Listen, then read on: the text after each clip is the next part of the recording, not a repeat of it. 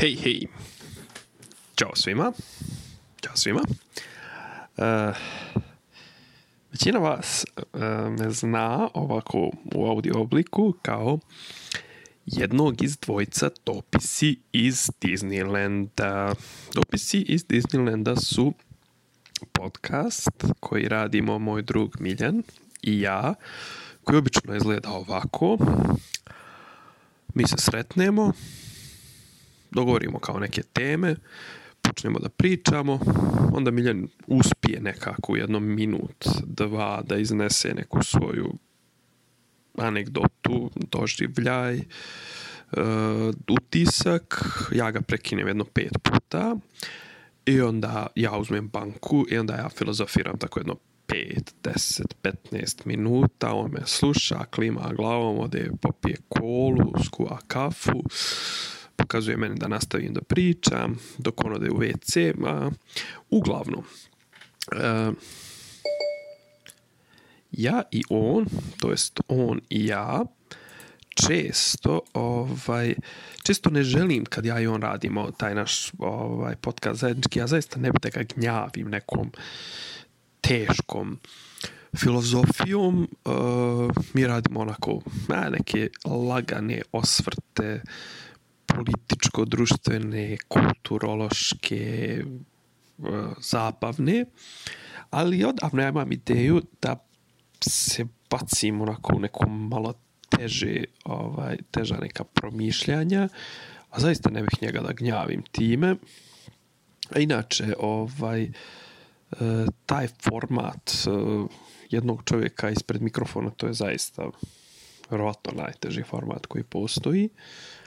Ali ovaj, ako može moj veliki prijatelj i idol Dan Carlin, ajde da probam ja nešto. Uh, E, sada je onako vrijeme ovaj vrijeme otkazanih letova kako kaže ovaj pesma Bijelog dokumenta pa bih ja onako pokušao jedan eksperiment da probam da ha, da kažemo možda i nekoj verziji audio dnevnika ali bi zaista ovaj volio da se osvrnem na neke aspekte ovog sada stanja. Danas je e, 16. E, mart i prvi je dan vanrednog stanja u Srbiji. A pošto sam ja u kontaktu sa nekim mojim poznanicima i prijateljima na, na nekim društvenim mrežama, sam se sjetio svojih e, vremena uh, svojih dugodopština i vremena koje sam proveo u, u ratu od 92. do 95. Ovaj, gdje je svaki dan bilo ratno stanje i uputio sam da nađem neke paralele. A usput me i ova, ova kriza čitava me ovako ponukala da razmišljam o, u nekim drugim, ovaj, stalno razmišljamo o ovoj temi, ali mislim, pretpostavljam da svi razmišljamo o ovoj temi, ali ja razmišljam uh, i interesuje me neko neki filozofsko, etičko, sociološki, behavioralni aspekti, politički, pravni, jer zaista, ok, mislim, to jesu neke moje oblasti zanimanja i smatram da bi vam svakako ovaj da svakako nemam šta pametno da kažem u, u pogledu, ne znam, medicinskom, infektološkom, epidemiološkom, jer su već pametni ljudi dovoljno toga napisali. Ko želi, zaista može lako da nađe a, dobar sadržaj po tom pitanju, nego bi ja se stvarno ovaj, bi se zadržao na ovim nekim društvenim e, aspektima iz pogleda društvenih nauka. E, kao što rekoh, ovaj, danas je prvi dan vanrednog stanja. Šta to znači vanredno stanje? Zašto je uvedeno vanredno stanje? Da li je moglo drugačije? E, juče je 15. Jeli, uveče e, proglašeno je vanredno stanje i to pa, pa na prilično čudan način. Imate par zaista dobrih tekstova na tu temu na Peščaniku, recimo, da li je moralo da se uvede vanredno stanje, da li je mogla da se prolazi vanredna situacija, što je mnogo, kako da kažem, približnije ovom ovom uh, ovoj sadašnjoj situaciji. Kao prvo, vanredno, eh, situacija vanredna, pa je vanredna, mislim, to je, to je faktografsko, faktičko pitanje, a pravno je pitanje da li je vanredna stanje ili nije. Da li je bilo potrebe, to na, na način koji je, na, na koji je donesen, to je isto jedna zanimljiva stvar, a to je da je ovaj u pitanju bilo uh, bilo je, bilo je, eh, bio je na, poseban način donošenja vanrednog stanja, znači nije zasedala Narodna skupština i nije donijela odluku, nego je zbog sprečenosti da se sastane eh, Narodna skupština odlučeno da se da se ovaj vanredno stanje proglasi tako što su tu odluku potpisali zajednički predsjednik eh, države, predsjednik parlamenta i predsjednik vlade, predsjednica vlade i predsjednica parlamenta, jel? E sad, zašto Skupština nije mogla se sastane? Mislim, Skupštine se sastaju i u bunkerima i na tajnim mjestima i šta već, mislim. Nije, ne padaju granate uz, uz jednu sasvim normalnu, pristojnu uh,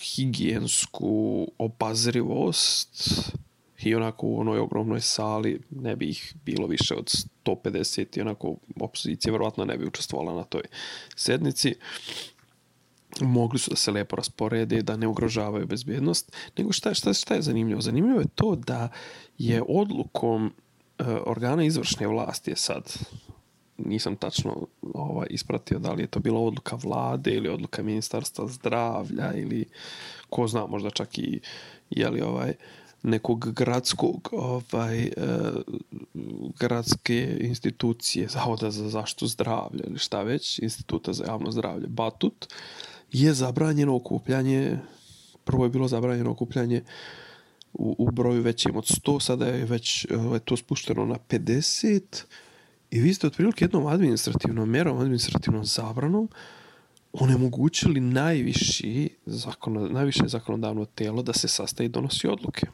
Znači, izvršna vlast, čak bi se rekli tehnička neka komisija i to je sprečila e, vrhovnu zakonodavnu vlast, vrhovno telo koje, na koje je prenesena ovaj suverenost naroda, na koje je delegirana vlast, suverenitet je, ovaj, je bilo nemogućeno administrativnom zabranom. Ehm, zabranom jednog ovaj, organa izvršne vlasti, što otprilike nas dovodi u situaciju da vi zaista možete da u nekom momentu pravno nekako nekom vratolomijom, koliko se kojim slučajem skupi većina koja bi recimo oborila vladu, vlada može da donese odluku da se ta skupština ne smije održati, ne može sastati, pa bi onda vjerojatno moralo da se sastoji po nekim šljivicima ili šta već. No da ne širim priču. E, vrlo onako čudno. E sad, mislim da u jednom tekstu, isto na peščaniku, mislim da Sofija Mandić, da je napisala da je li vanredno stanje i sve vezano za vanredno stanje se ne objavljuje i ne donosi na konferenciji za štampu, nego da sve to mora da ide kroz neke odluke. Tako da ovaj vidjet ćemo tačno konkretno na što se te odluke uh, ovaj odnose. Uh, zanimljivo je recimo ok, varedno stanje se donosi kada je ugrožena bezbednost države. Ovdje, mislim, bezbednost države u tom smislu nije ugrožena. Pogotovo nije ugrožena tako da kako je doneseno odluka o tom varednom stanju, a to je da je ovaj predsjednik države na na zahtjev, to jest na ovaj poziv ministra odbrane donio odluku o uvođenju varednog stanja. Ministar odbrane definitivno nije neko ko, je, ko bi trebalo da je kompetentan za pitanja javnog zdravlja i zaraznih bolesti. E, I vanredno stanje jeli, podrazumijeva da se određena prava ovaj, i ustavna i zakonska moraju, mogu suspendovati posebnim aktima. Pa je recimo zbog toga, ne znam, jutros nije bilo jutarnjeg programa koji ja slušam. ovaj, ne znam da li iz nekog straha ili jednostavno, ok, momci koji to rade su rekli da oni u ovakvim uslovima ne mogu da rade, da to ne bi bilo to, ok. Kažem, uh, šta smo, šta smo dobili time? Dobili smo vojsku na, na ulicama, što je, ajde da kažem, s jedne strane je onako ovaj, uznemirujuće, jeli, svak uvijek je uznemirujuće vidjeti vojsku na ulicama. Vojska na ulicama je bila, ako se ne varam, za vrijeme preglednog varednog stanja koje je bilo nakon ubistva premijera 2003. Također, ovaj, je vojska na, na ulicama asocira na na rat, na ratne sukobe, na ovo, na ono. E, vojska na ulicama je samo do, to jest vojska, upotreba vojske u ovim slučajevima je samo zapravo upotreba dodatnog ljudstva koje je automatski spremno ovaj, da postupi, da stupi u akciju.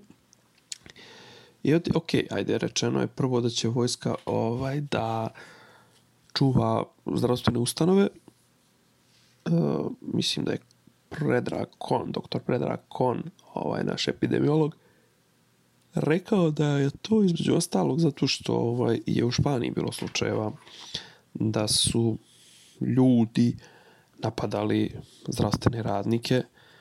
Mislim, nažalost, to se kod nas dešava, ali se dešava, jeli, ono, pijani, ko zna kakvi, ovaj, namrljani ljudi, jeli, poslije saobraćajnih nesreća ili šta već, kada ih dovedu na trežnjenje pa napadaju ove zdravstvene radnike, što je stvarno jedna od naj bezveznih, najbezočnijih stvari koje, koje mogu, mogu da se dese. Ja sam potpuno za, za, za apsolutnu zaštitu zdravstvenih ljudi, zdravstvenih radnika, pogotovo što će sada biti i oni izloženi velikom stresu i pacijenti će biti izloženi velikom stresu i sigurno će dolaziti do tenzija, tako da ovaj nemam ništa protiv toga. Ja sad kažem, ovaj, vidio sam danas sliku na N1, na njihovom portalu, znači tri vojnika, prilično dobro opremljena i što se tiče odjeće i što se tiče oružja i čak imaju neke crne naočare. I za njih tri policajca koje ja mislim apsolutno da su mogli da radi isti, isti taj posao. Mislim negde u Knezu, ali zaista ne znam šta rade, pošto koliko sam shvatio iz današnjeg obraćanja predsjednice vlade, tu je e, kafići i dalje rade, tržni centar se neće zatvarati, ovaj, a kao gledat će se da se ograniči kretanje ljudima starijim od, še, starijim od 65 godina zato što su što jednostavno ne mogu da se pridržavaju ne žele ili šta već nisu dovoljno ozbiljno shvatili ovaj preporuke vlade. I sad e, kaže predsjednica vlade da je problem sa tim sa, sa zatvaranjem tržnih centara što bi tu utjecalo na našu, na našu ekonomiju.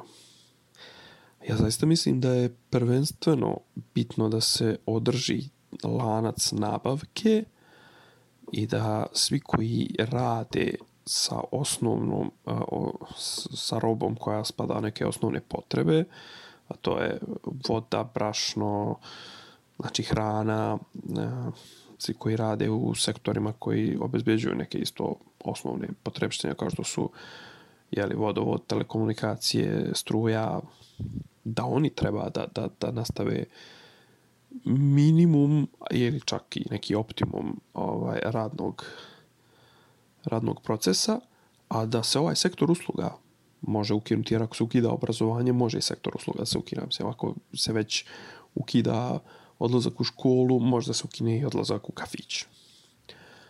Tako da, ovaj, to mi je malo čudno, jer ovaj, kažem, mislim, čemu onda vojska?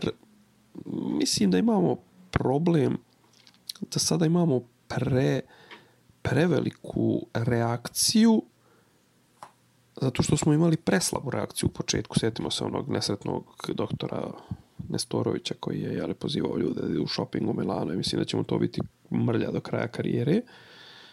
Ovaj, do kraja života. Znači, on je, uh, imali smo to, ali i dalje nekako imamo osjećaj da, da, da nismo nisu sve mere sprovedene.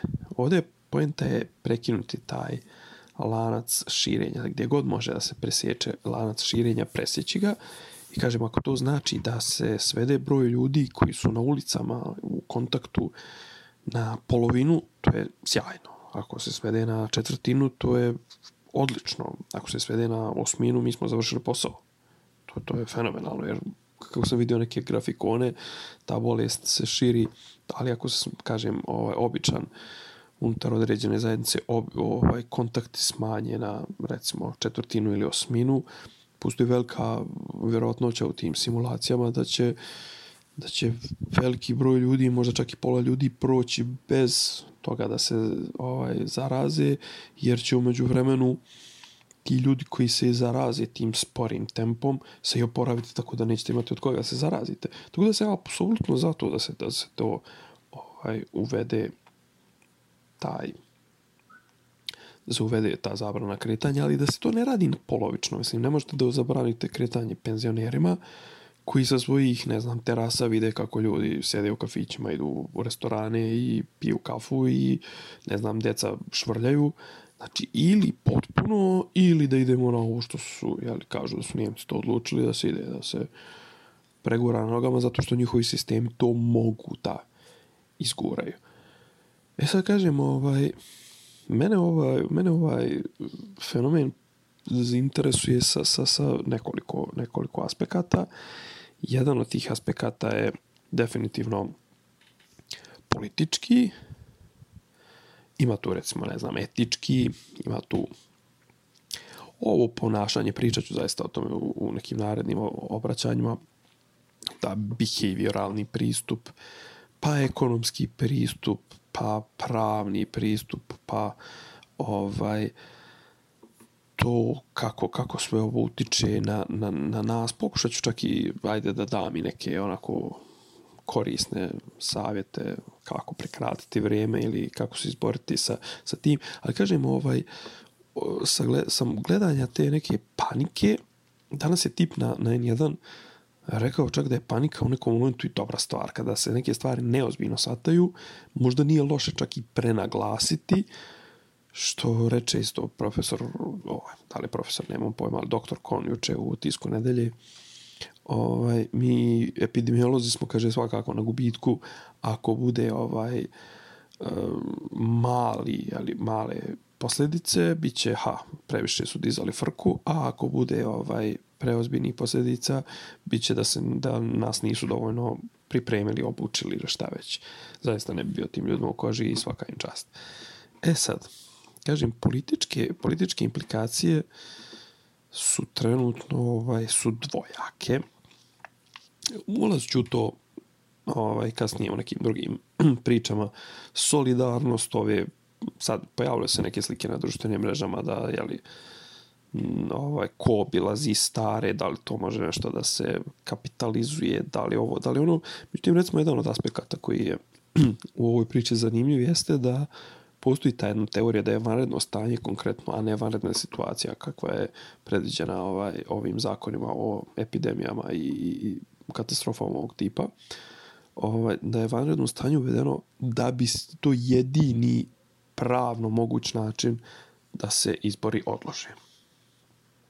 I okej, okay, ajde da kažemo da je to neki legalistički pristup, iako smo mi zaista ovaj, u posljednje vrijeme svjedoci da se baš nešto ne držimo, ovaj, ne drže se naši vlastodržci, što kažu zakona kao pijan plota, ovaj, tako da, mislim, čak i da su se, da se izbori odlože nekom jeli, odlukom, dekretom, ukazom ili nebitno, kao da bi neko post, mislim, možda bi neko i postavio pitanje, ali kao da bi neko od nadležnih institucija, pritom, recimo, mislim na konkretno na Ustavni sud, kao da bi odreagovao. Naravno da ne bi. Jer mi imamo, kako da kažem, urušavanje tih ovaj, institucija i instituta pravne države, vladavine prava svakodnevno. U posljednjih par dana u dva obraćanja predsjednik eh, države Aleksandar Vučić je u prvom jednom obraćanju, mislim u petak je rekao kako je je li ovaj stalno se insistiralo na tome da se kaže koliki je broj respiratora koje imamo, a on je htio da kaže da imamo manje, da bi ubedio Njemce da nam prodaju veći broj. Znači on je otprilike u tom trenutku rekao da je on ovaj bio spreman da slaže, pa onda isto tada pričao kako je ovaj nabavljao neke respirator ispod žita, pa je govorio ovaj, eto pa me kasnije me streljajte, gonite me ovo ono, zato što nisam ispoštovao neke procedure. I onda je to isto ponovio juče i baš onako ovaj, prilično ka, karikirajući ali čitavu tu priču ovaj, kako je on nabavio jutro s 50 respiratora, ne pitajte me kako i sad ja njega zamišljam onako negdje u Kladovu ili u velikom gradištu kako ovaj vozi neki brodić, neku pentu, neki motorić ovaj turira tamo jednom rukom, drugom rukom drži 10 kutija respiratora i dobavlja ih negdje iz Rumunije. Ovaj ili su mu stigli negdje iz Kine, nemam pojma, preko Crnog mora i uz Dunav Znate, mislim, ne ide, ne ide to tako. E, nisu džaba sve te nabavke, procedure, nije to džaba smišljeno, to je baš smišljeno da, da se ne bi dešavale ovakve situacije, jer ovaj, ta siva zona, šta je legalno, šta je legitimno, pazite, legitimno je jeli, da se probaju nabaviti ti respiratori ovaj, za krizne situacije kako je god moguće, ali nije legalno. A nekad postavlja se pitanje ovaj, da li ono kada ovaj bi imaju imaju imali su Rimljani jednu jednu sjajnu ovaj sjajnu izreku kako, kako je glasila, mislim, fiat justicija pereat mundi, ovaj, neka bude pravda, pa makar propao svijet. Znate, neka bude pravo, pa makar propao svijet. Ovaj, mislim, sad ja zvučim, ali kao neki nabjeđeni skolastik pravnik, ali ne, nije, jednostavno, e, sve, sve što nije to, to je onda anarhija. A anarhija, mi trenutno imamo ovaj dokaze da je anarhija loša. Loša. Imamo na svjetskom nivou, ne, ne govorim samo za, za nas, na svjetskom nivou je loša anarhija i ovaj, nisu ljudi džaba se organizovali u države i, i države organizovale pravne sisteme baš zato da, da bi se preduprijedila neizvjesnost koja stvara paniku, anksioznost, pričat ću o tome isto kasnije ovaj, u, u, u sljedećim obraćanjima ako ih bude, jeli, ako mene zatvore. Ovaj, ali ne, ne mislim da ovdje apsolutno sve što, što, što pričam je do, jedna vrlo dobronamerna kritika, a s druge strane, ovaj, kaže, mene zanimaju me ti aspekti ponašanja, moralna panika, obična panika, medijska panika, pa jednika pojedinca, to nisam ni za to stručnjak, ali eto, nešto ću malo da pričam možda iz ličnog iskustva. Kažem, znači, i onda smo nabavili smo, ali i onda predsjednik ovaj, vrlo onako rezignirano, što ima smisla, apsolutno, i, i s čim se ja slažem, iako, kažem, možda, možda nije državnički to tako iznijeti, ali slažem se da je ovaj, ta evropska solidarnost pa onako jedno mrtvo slovo na papiru i da ima potpuno pravo što je, što je razočaran, samo što kažem ja to ne bih iznosio na taj način, ne bih od toga pravio neki spektakl, ali ovaj, dobro, to je možda jednostavno njegov način kako on komuni, komunicira takve informacije, ali mi smo definitivno svjedoci da ovaj ta ova trenutno tri bloka najveća to jest tri najveće sile Evropska unija, SAD i, i Kina se sasvim drugačije ponašaju i predsjednik je u pravu potpuno kad kaže da su trenutno zaista jedino kinezi oni koji su u stanju da nam pomognu i to stoji. I šta se dešava?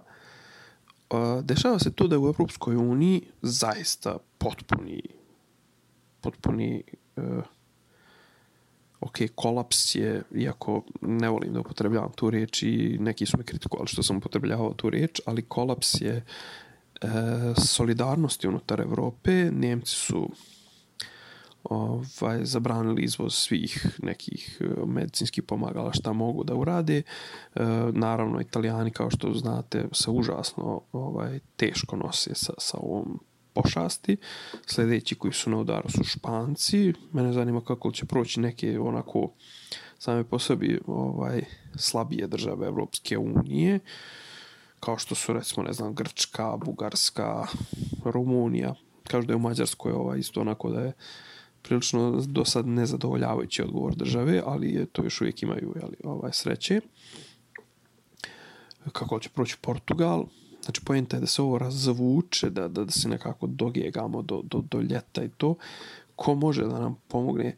E, Amerikanci su zatvorili jeli, potpuno ovaj saobraćaj sa, sa Evropom, ali i sad e, pročitao sam negdje na, recimo na, uf, na Foreign Affairsu, ja mislim, da su neki, neka njemačka firma je u fazi razvoja vakcine, jeli? I Amerikanci su rekli da će otkupiti komplet sve što ovi budu proizvoli. Njemci već razmišljaju da da ovaj stave zabranu na, na taj izvoz. Izvinjam se. I šta će se desiti onda? Desit će se to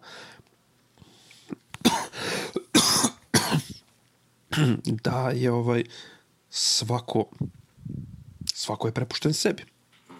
Je li to dobro? Apsolutno da nije.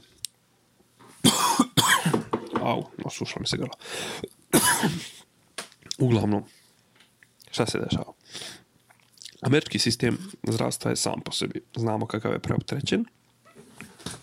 A s druge strane, evropljani nisu u stanji ni sami sebe da pomognu ko trenutno jedino može da pomogne, mogu da pomognu kinezi. Zašto? Imaju iskustvo, imaju resurse, imaju ekonomiju, a imaju i želju. I to je jedan od zanimljivih aspekata ove krize na sa nekog spoljno-političkog aspekta. E, kinezi su odlučili da igraju na, na kartu toga da oni budu lideri u uh, borbe protiv ove pošasti i da time kupe sebi dodatne pojene u ovoj bitci koju vode za tron o, najveće svjetske sile. I za razliku od Amerikanaca koji su odlučili da se ovaj izoluju, iako nisam siguran koliko im to može pomoći, koji mislim, oni su ogromna država sa ogromnom uh, unutar državnim, državnim logistikom, frekvencijom, saobraćajem, jednostavno mislim da, da, ovo zatvaranje saobraćaja sa, sa, sa Evropom mislim da da na njihovu veličinu, na njihov broj i broj unutrašnjih letova, broj ono, količinu protoka robe ljudi, da jednostavno da bi oni mogli bez problema da absorbuju sve to dolaske te ovaj e, evropljana. Uh, ali dobro, eto, to je njihova odluka, ali kažem, oni su odlučili da idu putem zatvaranja, da idu putem uh, zabrana, ne znam, ono, predatorski ponašanjem, a Kinezi su odlučili da idu sa svim drugom taktikom da pomažu i da šire svoju ovaj meku moć, da šire svoj ovaj, uticaj, da šire pozitivan imidž, jer ovaj, jedan od uh, jedan od aspekata svakog, svakog aspekata ove krize jeste da se traži krivci.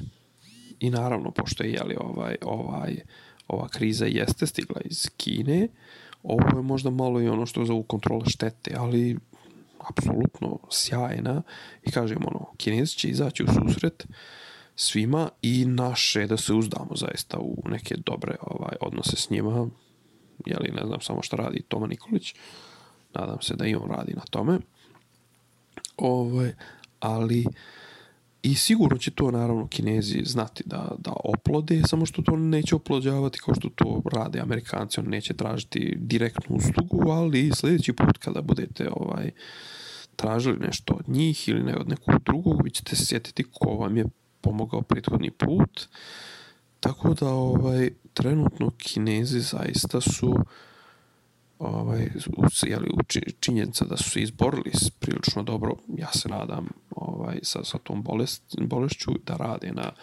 na ovaj na njenom prevazilaženju, to jest da, da ova bolest svedu na nivo sezonskog gripa, da radi na, pretpostavljam, na vakcinama, da su prepuni iskustva, ovaj, čini ih ono, saveznikom broj 1 i ovaj, sigurno su s time sebi kupili a, dodatno poštovanje i naklonost e, neki većine zemalja ovaj, u svijetu i to kažem još jedan blagi korak ka tome da ovaj su Kinezi ono buduća velika sila. To kažem, eto, to je ovaj jedan ako zanimljiv aspekt. Biće ovdje u ovoj našim pričama će biti dosta tih ovaj, različitih aspekata te kako se ko ponašao, te ne znam, recimo jedna od zanimljivih tema će mi će biti ili meni je bar zanimljivo to ponašanje u masi, to skupljanje zaliha. Zašto to ljudi rade? Zašto ljudi ne znam, ovaj, zašto se bave time Uh, Eh, da li, da li mislim sada možemo da pričamo i na globalnom nivou da li će ovaj briga za sebe, da li može svako za sebe da iznese ovu kao pojedinac ili kao pojedinačno društvo ovu, ovu pošast ili to mora da bude jedan napor solidarnosti? To je to zanimljivo pitanje. I kao što reče ovaj u svojoj knjizi moj omiljeni podcaster a od skora i pisac Dan Carlin ovaj, nisam ja tu da dajem vama odgovor ja sam tu da da postavljam neka pitanja, pa sad ja bi zaista isto ovaj, postavljam, postavit ću negde na kraju neka pitanja. E, evo recimo jedno pitanje za razmišljanje čisto sa, sa etičkog ovaj, aspekta, a to je ovo definitivno ova, ova kriza će pričat ćemo i o tome kako će ovaj, kakve će efekte verovatno imati u, u budućnosti ali ova kriza je ovaj će imati duboki uticaj na odnose među društvima, na ekonomske odnose, na pitanja solidarnosti, pitanja zajedništva, ovaj, to kako se ponašamo, da li, su ovi, da li ovaj sistem ovakav održiv, neodrživ, da li će se nešto duboko, dublje promijeniti, ali evo pitanje za razmišljanje, da li biste bili spremni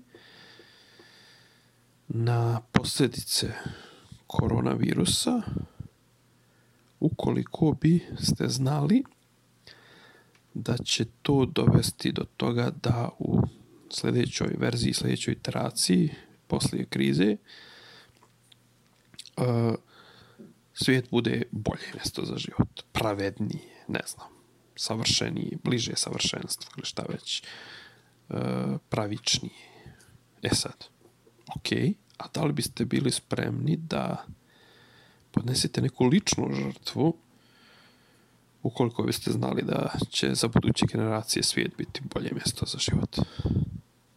Eto jedne, recimo, teme za razmišljanje. Sa etičkog, etičkog aspekta. Priče, možemo da pričamo o tome da li je to izvodljivo. Mislim, naravno da nije izvodljiva ta, ta razmjena, ali, jeli, filozofi smo, pa eto, možemo da, da, da ovaj, postavljamo pitanja. I evo ajde na kraju da kažem ovaj, znači ovo je prvi dan te vanrednog stanja i prvi dan ovaj praktični aspekti života pričat ću nekad kasnije dalje, ovaj, dalje o tome praktični aspekti života evo ja sam danas bio silazio sam do, do, do centra mog kraja otišao sam ne znam na pijacu mesaru ono eh, jedno 20 minuta je sve to trajalo, obišao sam dvije, tri prodavnice, ispred apoteka su gužve, penzionera ima standardno, možda čak i više nego inače, opuvali su mesaru, o, što se tiče junetine, svinjetine i tih nekih ovaj, piletinu izgleda nisu dirali. E, u prodavnicama, u prodavnicu nisam išao, doduše u Maxi nisam išao, ovaj, ali juče kad sam išao, Boga mi brašna nije bilo, kvasca nema šanse da nađete, riže je bilo sve manje i manje. Mislim, on vidio sam da ljudi grabe i ove ubruse. Ovo ja sam to nešto onako, već sam znao otprilike nas će da liči, pa sam ja to krenuo da skupljam onako prije jedno 15-20 dana svaki dan kad sam odlazio u prodavnicu sam kupio kesu tjestenina ili kesu ovaj, pirinča viška. Ali ovaj, pričat ćemo o tim, toj psihologiji mase, zašto se skuplja, šta, šta da se radi, ali kažem sad dok su ova vremena, ova samoizolacije preporučljiva, budite i vi pametni, budite korisni, budite ovaj, kreativni, budite, naučite nešto. Recimo jedna od stvari, ajde, pričat ću o tome kako, mogu da su, kako može da se ubije vrijeme, pozivaš se na svoje iskustva, ratna i predratna, iako je to, pričamo o 90-im, tad nije bilo ni interneta ni ničega, ali recimo, sjajni kursevi se nude, online kursevi, ne samo digitalni, ne samo vezano za digitalnu nauk, za digitalne ovaj, ne znam, za, za, za marketing, za, za, ovaj, za, za dizajn, ne znam. Na, na ovim platformama za, za učenje, za recimo edX ili ne znam, Udemy, to možete da nađete sjajnih online besplatnih kurseva, akademskih kurseva iz istorije, filozofije, nađite nešto, prešujete. Naravno, ja bih uvijek vam preporučio, uzmite, obnovite znanje nekog jezika ili obnovite ovaj neku obnovite ne, ili naučite neki novi jezik ili se uzmite neku novu knjigu pa pročitajte, pročitajte neku staru. Evo ja trenutno sam ponovo uzeo da čitam 100 godina samoće od Markesa, a između ostalog, ovaj, ali istovremeno i čitam i, i uh, E, knjigu o tome i pričat ćemo malo više o njoj kasnije.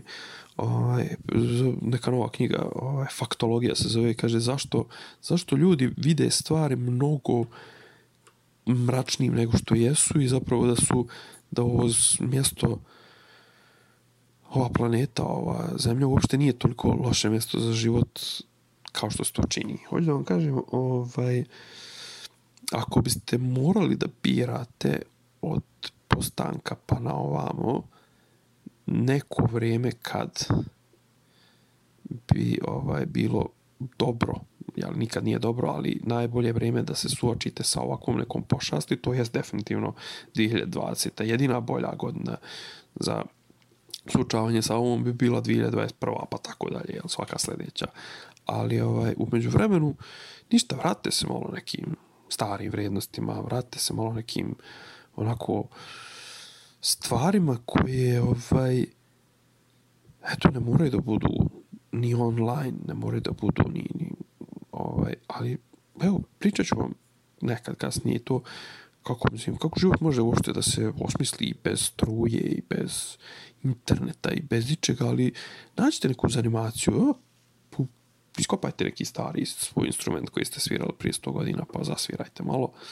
Ovaj, A mi se čujemo ja se tu stvarno nadam da, da, ovaj, da ću biti bolji u, u budućim epizodama. Nije lako ovaj, pričati sam mikrofon.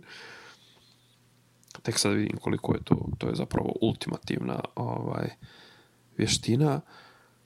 Ali eto, ovaj, ako vam, ako vam nije bilo dosadno ovih pola sata, obećavam da ću u sljedećim nekim javljama biti bolji.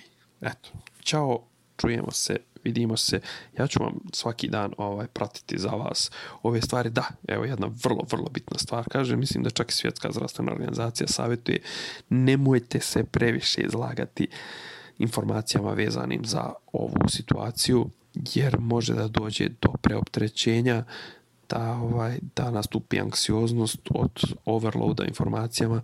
Kažu, dva puta dnevno se informišite. Tako da, eto, ujutru pogledajte neke vijesti na nekom pouzdanom ovaj, izvoru informacija, neku dobru televiziju, neki dobar sajt, a uveče ću vam ja evo, ovaj, sumirati šta je bilo u, tok, ovaj, u toku dana i baciti jedan od aspekata i razmišljanja iz jednog od aspekata na ovu krizu. Čujemo se. Ćao.